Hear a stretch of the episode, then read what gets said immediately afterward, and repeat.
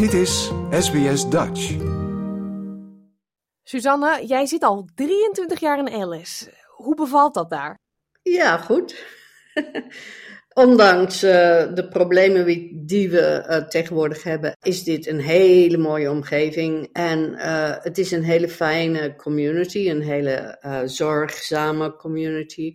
Um, maar we hebben dit, dit probleem nu van hele jonge mensen die hele erge misdaden begaan. Hmm. Ja, waar moet ik aan denken? kinderen vanaf acht jaar, zoiets, en soms zelfs jonger die uh, Alice Springs dag en nacht onveilig maken. Dus even niet komen, zou ik zeggen, als je van plan bent om hier naartoe te reizen. Want het is werkelijk heel onveilig. De supermarkten gaan dicht uh, om zeven uur, terwijl ze normaal uh, tot elf of twaalf uur open waren. En het is vreselijk triest en we hebben het kunnen zien aankomen, maar iedereen heeft zijn ogen en oren dicht gehouden. Ja, want dat is mijn vraag inderdaad. Wij horen daar in andere delen van het land nu de afgelopen week dingen over. Ja. Het is al drie jaar aan de gang dat het zo erg is. Het is altijd een beetje zo geweest. Ik heb een um, achtergrond in law, in het recht. Ik heb er een boek over geschreven. The Elephant's Tooth, Crime in Alice Springs. Ik heb tweeënhalf jaar niets anders gedaan dan onderzoek naar dit probleem.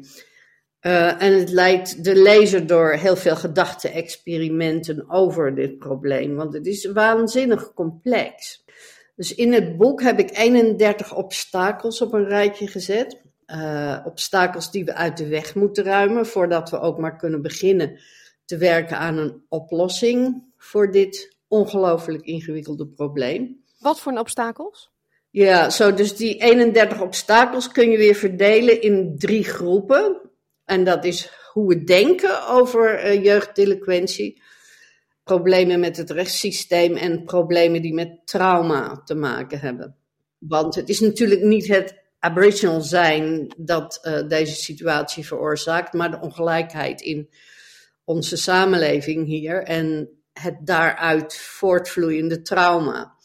Dat is waar we over na moeten denken. En dat wordt nooit gedaan. Of altijd van die snelle. Nu, nu is dus um, Albanese hier geweest voor twee uurtjes. Ja, een bliksembezoek.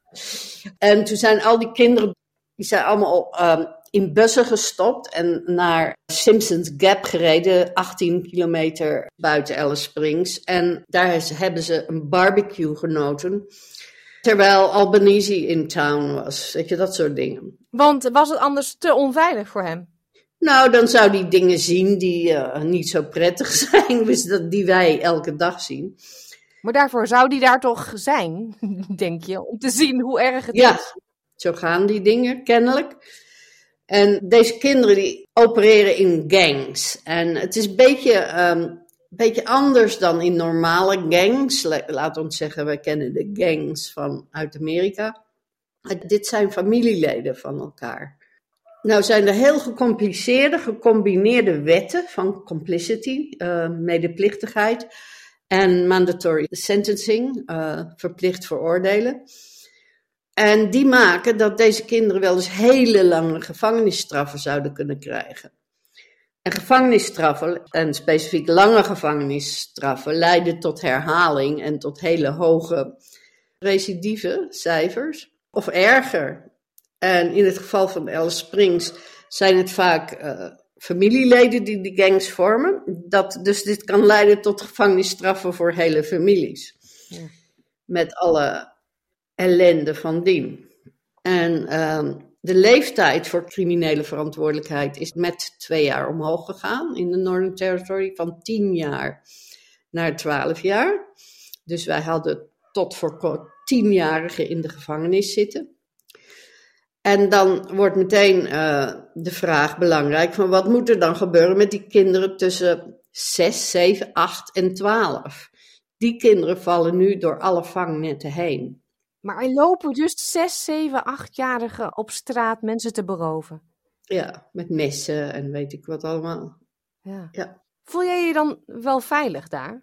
Nou, wij hebben een hond. Dat is een hele goede oplossing. En wij wonen in een tamelijk rustig buurtje. Dus wij hebben hier nog niet veel moeilijkheden gehad. Maar dat wil niet zeggen dat dat nog kan komen. Want in de nabije buurt zijn er al heel veel inbraken geweest en, en andere ellende.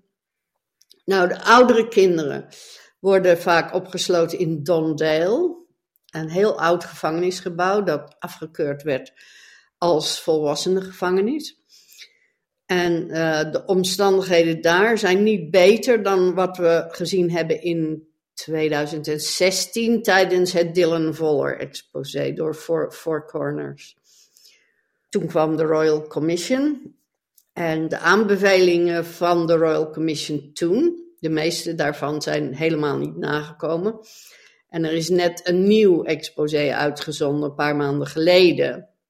Ook Four Corners. En dat heeft niet veel aandacht gekregen, maar was net zo ernstig als de Dylan Voller zaak.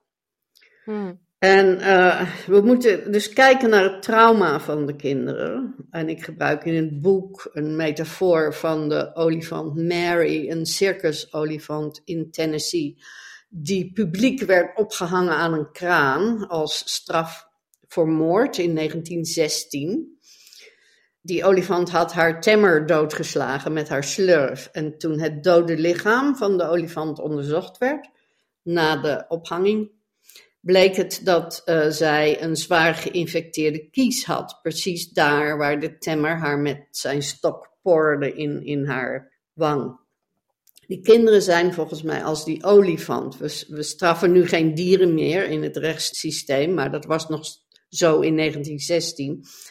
En we denken dat we nu uh, te geciviliseerd daarvoor zijn. Maar zijn we wel zo geciviliseerd als we heftig getraumatiseerde kinderen straffen met gevangenisstraffen. Ja. Je zei, we hebben dit zien aankomen hè, de afgelopen drie jaar. Wat is er veranderd drie jaar geleden dat dit gebeurde? Niets, volgens mij niets. Er is gewoon een langzame soort uitbarsting in slow motion heeft plaatsgevonden. We hebben hier natuurlijk wel de intervention gehad waar het leger um, de Northern Territory in kwam en in alle remote communities kwam helpen. Uh, dat heeft... En daarbij doe je tussen haakjes helpen. Ja. Um, die intervention heeft. Hoe lang heeft die geduurd? 10 jaar, 15 jaar?